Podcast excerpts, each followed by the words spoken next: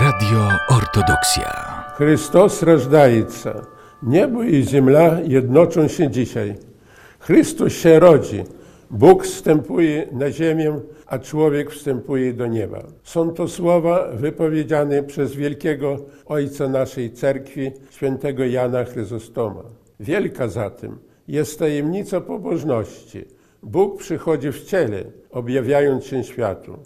Chrystus rodzi się w ubogiej grocie betlejemskiej wśród nocnej ciszy, pokazując swojemu stworzeniu wzór nadzwyczajnej pokory. Anioł Pański zwiastuje światu, że dziś w mieście Dawidowym narodził się wam Zbawiciel, którym jest Chrystus Pan. Chór anielski zaśpiewał chwała na wysokościach Bogu, a na ziemi pokój w ludziach upodobanie ku dobremu. Świat uświadomił sobie tę nadzwyczajną tajemnicę pobożności.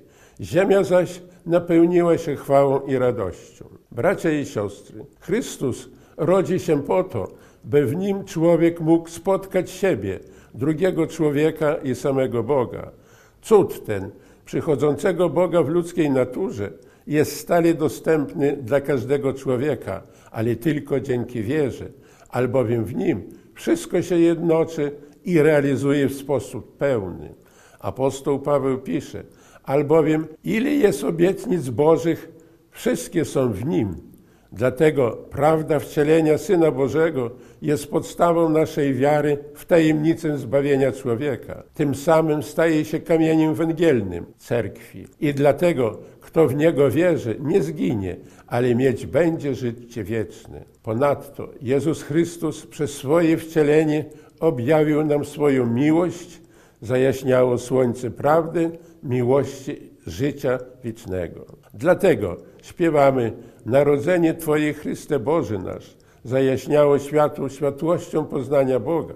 Bracia i siostry, uświadomiając wielkość i znaczenie dogmatu wcielenia Jezusa Chrystusa, stawiamy pytanie, jak świat współczesny XXI wieku rozumie i przeżywa tajemnicę naszej wiary. Czy wezwanie przez wcielonego Zbawiciela do pokoju, miłości, braterstwa, jedności usłuchał i realizuje je?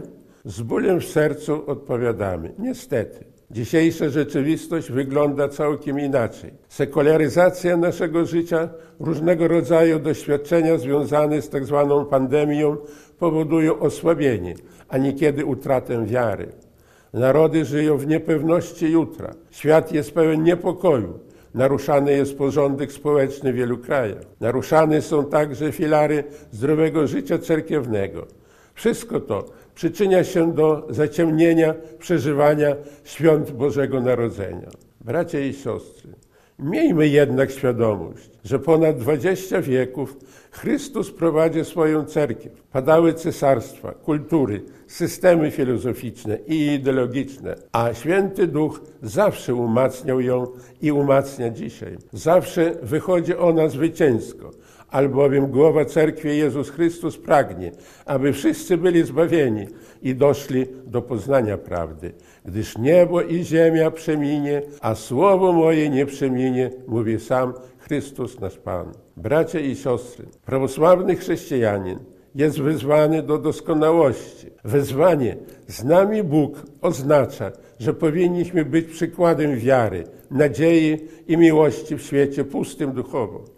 Z nami Bóg, On działa przez nas, kiedy ludzie potrzebują pomocy w słowie i czynie. Nie przestawajmy kochać Boga i bliźniego i wyrażajmy te uczucia w świątecznym kolędowaniu.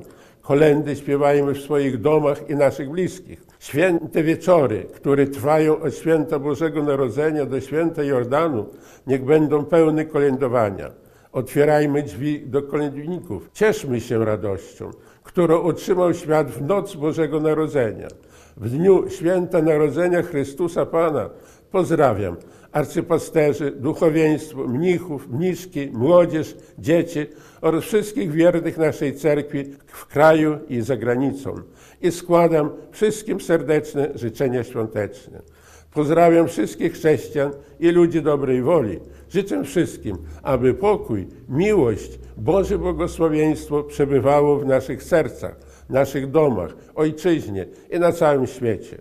Rok 2022 niech będzie czasem błogosławionym przez Boga, a Bóg nadziei niech napełnia nas wielką radością i pokojem wierze, byśmy siłą Ducha Świętego ubogacali się nadzieją. Chrystus się rodzi, wychwalajcie Go. Radio Ortodoksja.